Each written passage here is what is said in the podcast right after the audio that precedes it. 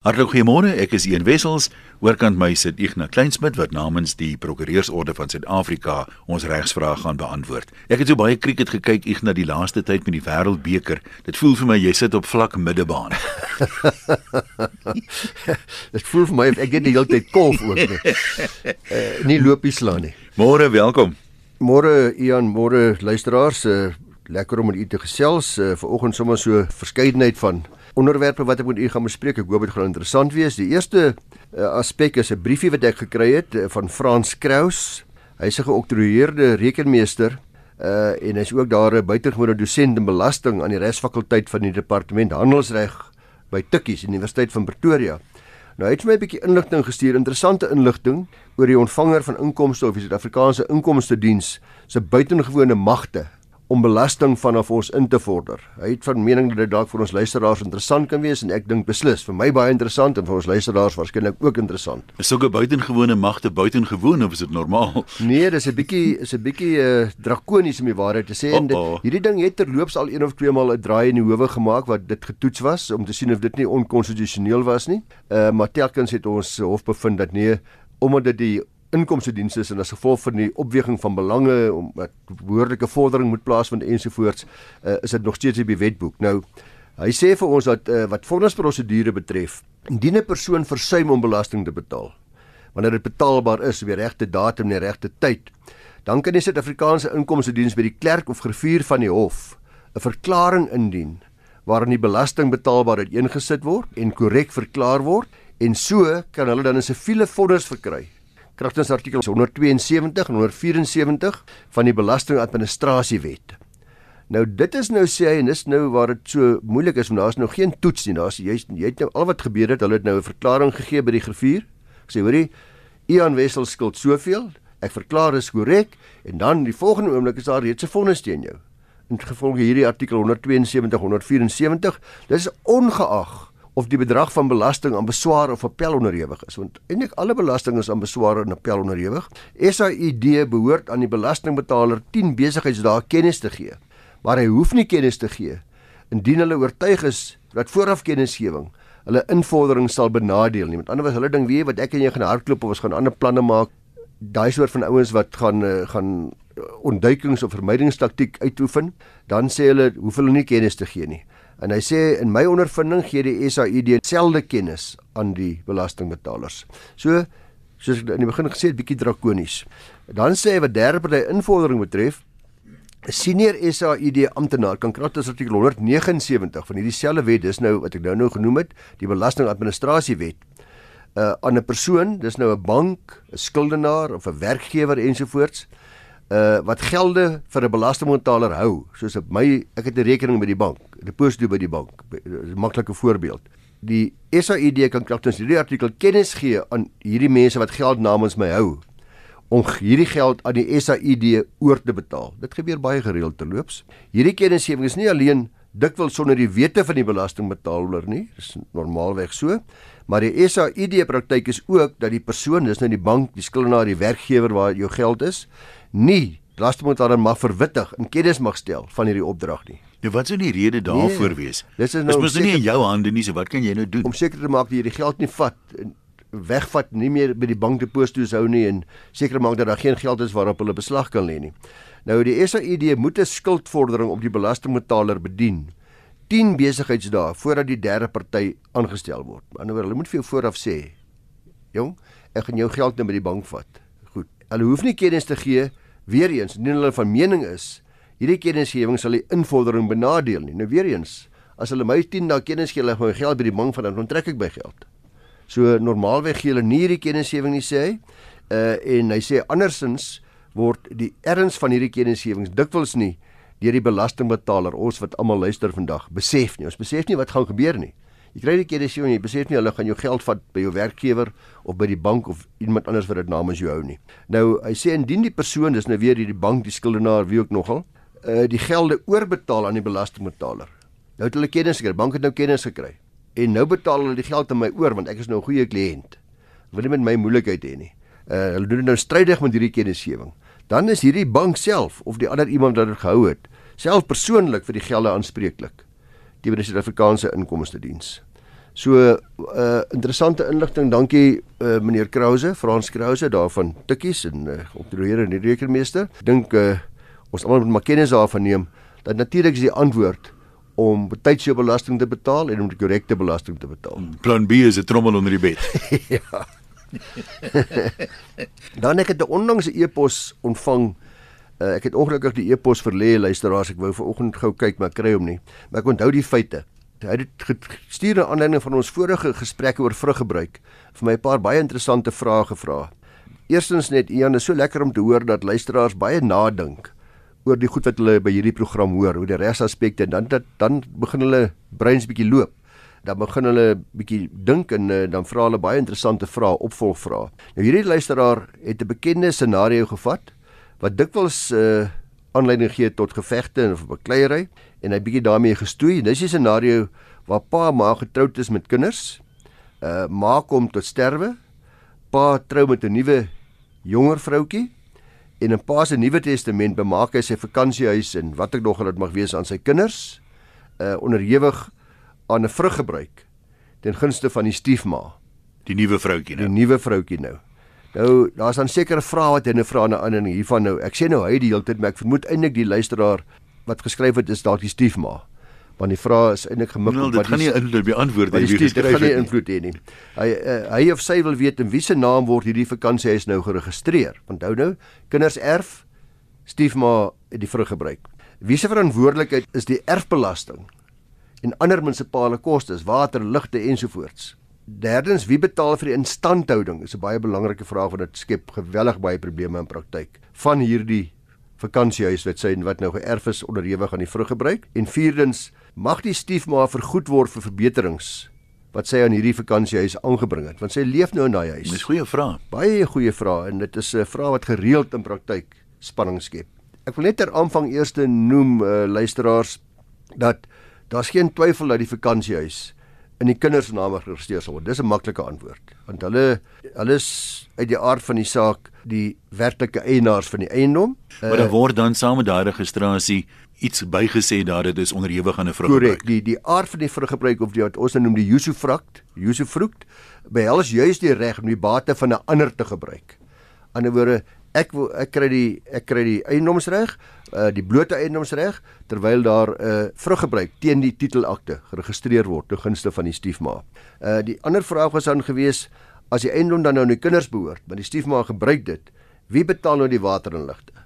Nou dis ook redelik maklik omdat daar 'n saak daaroor is, die saak van Exparte Standard Bank beperk in uh, Boedel Roger in 1963 saak alreeds en hy word vandag nog steeds gekwoteer aan mekaar hieroor het die hof bepaal dat die houer van die vruggebruik, met ander woorde die stiefma, verantwoordelik is vir alle kostes en heffings wat teen die eiendom gehef mag word terwyl die vruggebruik nog in werking is. Dit maak eintlik sin want sy het die Correct. voordeel daarvan. Korrek, ja. Nou hierdie algemene reël sal geld behalwe en dit is belangrik in alles wat ek sê dat mens mag die vruggebruik verander wanneer jy hom skep om te sê ek gee 'n vruggebruik ten gunste van my vroutjie op voorwaarde dat die eienaars die kinder die die goed moet betaal. Aan die ander woorde, hulle kry hulle kry die eiendom, maar onderhewig daaraan dat hulle verantwoordelik is vir die volgende kostes ook wat normaalweg deur die vruggebruiker betaal sou word. So jy kan dit maar as dit as daar niks gesê word nie, soos in 99% van die gevalle, sal die vruggebruiker hierdie kostes moet betaal. So dit moet in die testament wees. Jy kan nie agterna sê hoor ek nee, gaan dit nie betaal nie. Nee, jy moet dit in die testament sê.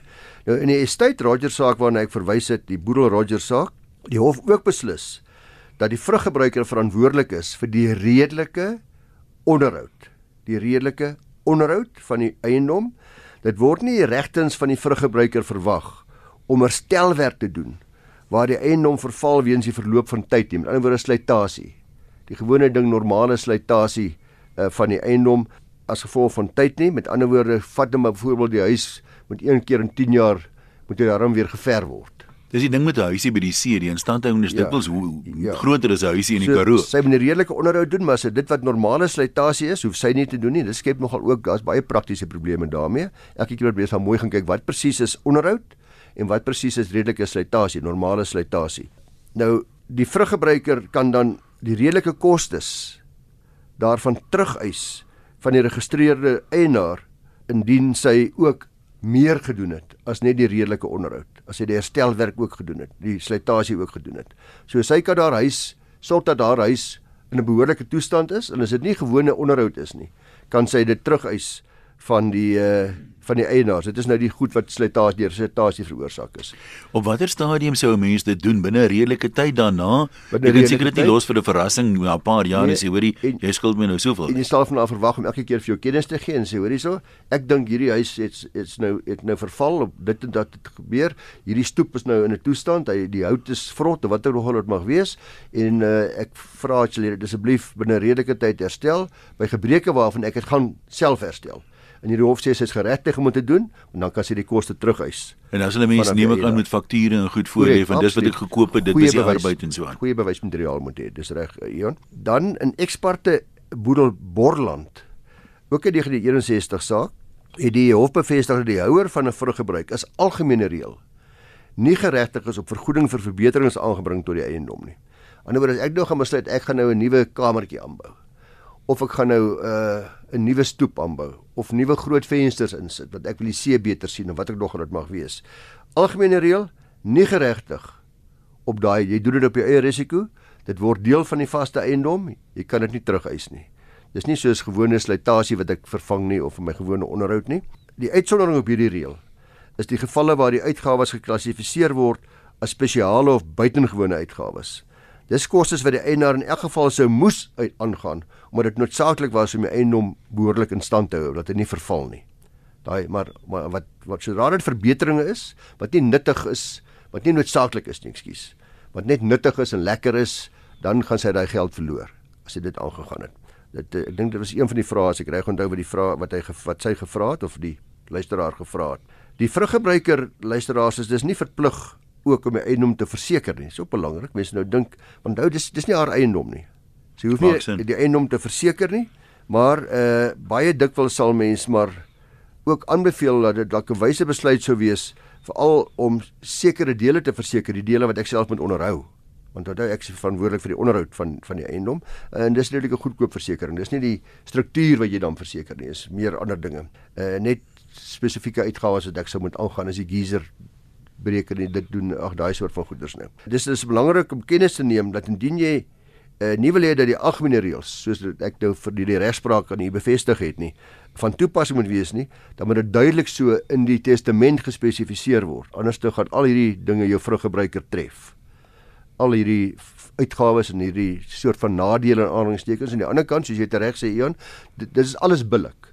Want uit die aard van die saak het daai persoon die vruggebruiker die gebruik van daardie eiendom. So baie dankie ook aan Janus Olivier daar by van Vellen Duffy. Uh jong prokureur het my gehelp het met hierdie antwoord.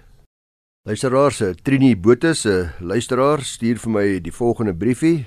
Sy het hom nog gestuur aan Loslip RSG. Is jy daai werk nog daai adres van jou? Ek het my my e-posadres is loslipresg@gmail.com. O, ek het nog vir jou gestuur en weer vir my aangestuur. Goeiemôre Ian en Igna. My ouers is 92 en 84 jaar onderskeidelik met 4 kinders. Hulle het onlangs besluit om hulle testament op te dateer. My pa is van die ou skool en weier om die inhoud van sy testament met ons te deel. Dis gaan ek slegs die bietjie inligting wat ek het met jou deel. Hulle besit 'n paar eiendomme, is een uh maal 3 meentuiskomplekse, al drie word verhuur, een woonhuis ook verhuur, 'n plot waarop hulle huis is en my broer op sy eie kostes sy huis gebou het, is ook 4 plotte. So 'n redelike klompie bates, 'n hele klompie vaste eiendomme. Hulle wil hulle kinders regverdig behandel. Die ouderdomme van ons kinders wissel tussen 42 en 58 jaar. Ons is almal onafhanklik. Hulle is aangeraai om al hulle besittings in 'n trust te sit na afsterwe. En sy sê heeltemal reg om te erf as 'n voorreg en nie reg nie. Ek stem daarmee 100% saam. Trini, sy sê dan ek is bekommerd oor my broer wat sy huis op my pa se grond gebou het. Dan vra sy, is 'n trust regtig die beste opsie? En sy het so naskrifie wat sy sê, soos ek verstaan, gaan die in haar naskrif sê sy, gaan twee kinders en die eksekuteur die drie trustees wees, maar hoe gaan die ander twee kinders daaroor voel? Is dit die beste opsie weer? Nou ek het die briefie gestuur vir Volker wat spesialiseer op hierdie gebied daarby van Velden Duffy Volker Kreer en hy het vir my die volgende antwoord gestuur. Ek sal hierde daar so 'n bietjie self ook my eie aanvulling gee waar uh, ek dink dis nodig. Hy sê 'n trust sou wel 'n opsie wees. 'n Trust gaan vir die kinders sekere belastingvoordele inhou en kan ook help om bates teen skuldeisers te beskerm. Dit is altyd so. 'n Trust is 'n algemene reël, nie vatbaar vir die beslaglegging van skulde van 'n trustee of 'n begunstigde van die trust nie. Ook in die geval van 'n insolventie sal die trustbates normaalweg nie enigstens deel van 'n insolvente boedel vorm nie. Dieselfde beginsel geld in die geval van 'n egskeiding. Sê sê so hy sê trust het voordele, sekere basiese voordele. Dan hy sê nog 'n maar 'n belangrike potensiële nadeel van 'n trust so daar dispute kan ontstaan tussen die kinders ten opsigte van die bestuur van die trust. Ons het 'n klomp eiendomme, daar's 'n plaas, daar's 'n boerdery ensovoorts. En die erflater sou gewoonlik dan die kinders almal as trustees aanwys. Die effek daarvan is dat hulle dan baie soos mede-eienaars saam besluite moet neem. Maar soos Volker hier sê, dis in my ondervinding en ek stem 100% saam, dikwels baie makliker gesê as gedaan. En in die geval waar net twee van die kinders trustees is, wil ek maar dit ook net self noem, skep dit dikwels spanning by die twee wat nie trustees is nie. Uh, Veral as daar nie behoorlik gerapporteer word nie en daar nie ingelig word oor wat die situasie is met die trust nie. Net 'n praktiese vraag daaroor Ignas. Kom ons sê al die kinders is trustees. As daar nou dispute is wat daar weet dikwels maar is die een wil dit en die een wil dat, hoe werk dit op so 'n trustee vergadering? Is dit stemming? Ja, as dit 3 teen 1 is jy uitgestem word as jy dan dis, doen ons wat die 3 sê. Dis 'n meerderheidsstem ja, as 'n meerderheidsstem, maar dis waarom mense wat trustee skep dikwels sal byvoorbeeld seker maak dat daar 'n onafhanklike trustee is en soos ek al voorheen gesê, dis ook wat die meester van ons verlang dat daar soos byvoorbeeld 'n ouditeur of 'n prokureur of iemand wat nie direk bevoordeel word deur ja. die trustee met kundigheid sodat daar 'n mate van objektiviteit kan wees. As daar dan 'n 2-2 stemming is, dan gaan hierdie persoon waarskynlik die meer billike opsie volg en die, en die ding in die regte kanaal sit. Baie baie trust sal net twee trustees hê waarvan een dan 'n onafhanklike trustee is en een die oudste seun of wie ook nog al en baie keer die langslewende natuurlik ook afhangende van die ouderdom. In hierdie geval soos ek nou nog gesê het is hulle al baie bejaard die die twee erflaters 92 en 84 so dit maak nie sin om in daai geval mense langslewende gade as trustee of eksekuteur te benoem nie. Maar dit is so eh, dit skep baie spanning. Uh om dit te verhoed natuurlik sê Volker sal 'n erflater byvoorbeeld eerder die kind eerder die kinders as gelyke erfgename kan aanstel. In 'n woorde, daar's nou 'n klomp bates.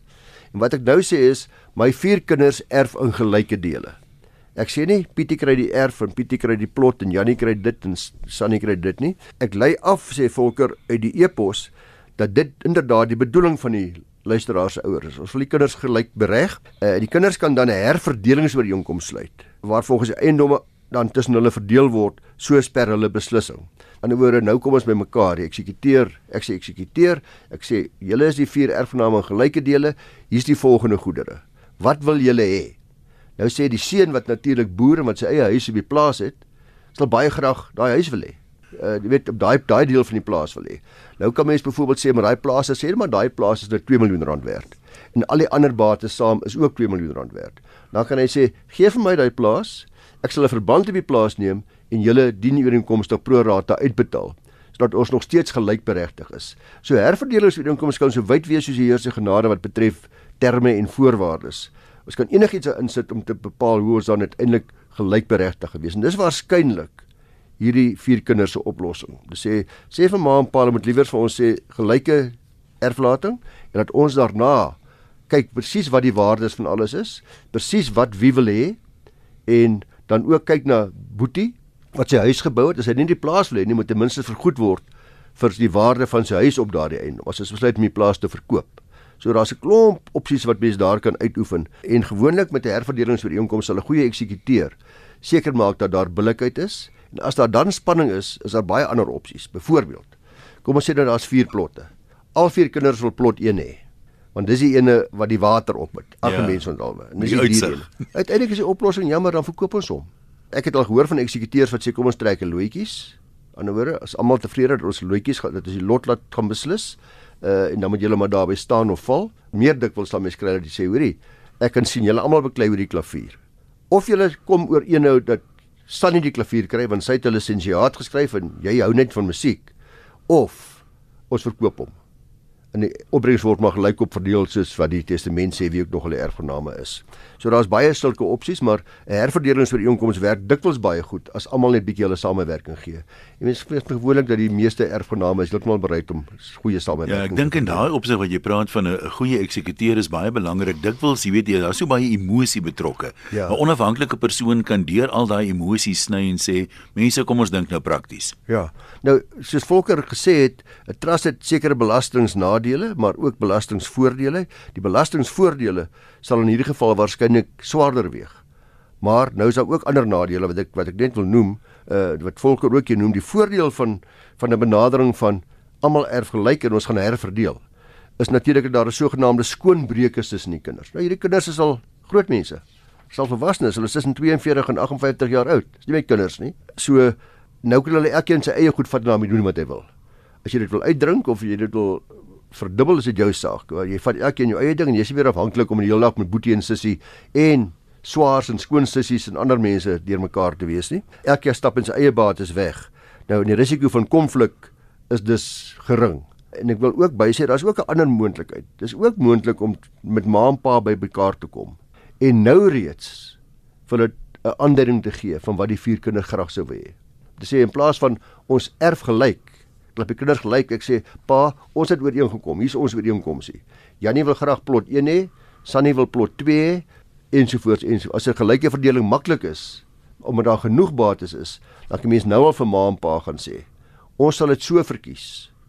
Dan hoef mens nie eers 'n verdelings herverdelingsooreenkomste te doen na die afsterwe nie, maar dis maar dieselfde is net 'n bietjie 'n vinniger manier om te weet wat elkeen gaan kry en dikwels kry mens dan as jy vooraf weet wat in die testament aan jou toegeken word, jy dan daai eiendom begin oppas dat jy begin mooi kyk na hom Ja. Dat jy dat jy deel van 'n bewaringsplig en 'n instandhoudingsplig begin nakom omdat jy weet jy gaan daardie betrokke eiendom kry. So om te besluit watter opsie die beste is, uh Trini Botus vir jou en jou broers en susters en vir jou ouers moet julle dalk maar besluit hoe groot die risiko's is dat julle nie sal kan saamwerk nie. Hoe groot die kans is dat julle herverdelingsooreenkomste sal kan aangaan as julle gelyk erf? Wat is die moontlikhede daarvan wat gewoonlik baie groter is wat mense besef? As daar groot risiko's is, uh, veral wat betref die gevegte daarna, die saamwerk in 'n trust, dan moet jy nou liewer julle ouers gaan oortuig om dat testamente wysig. Uh, as jy risiko's klein is aan die ander kant, dan kan 'n trust werk as julle almal lekker gaan saamwerk met die trustbates wat die mense nou nie weet nie en jy kry dit nogal prakties baie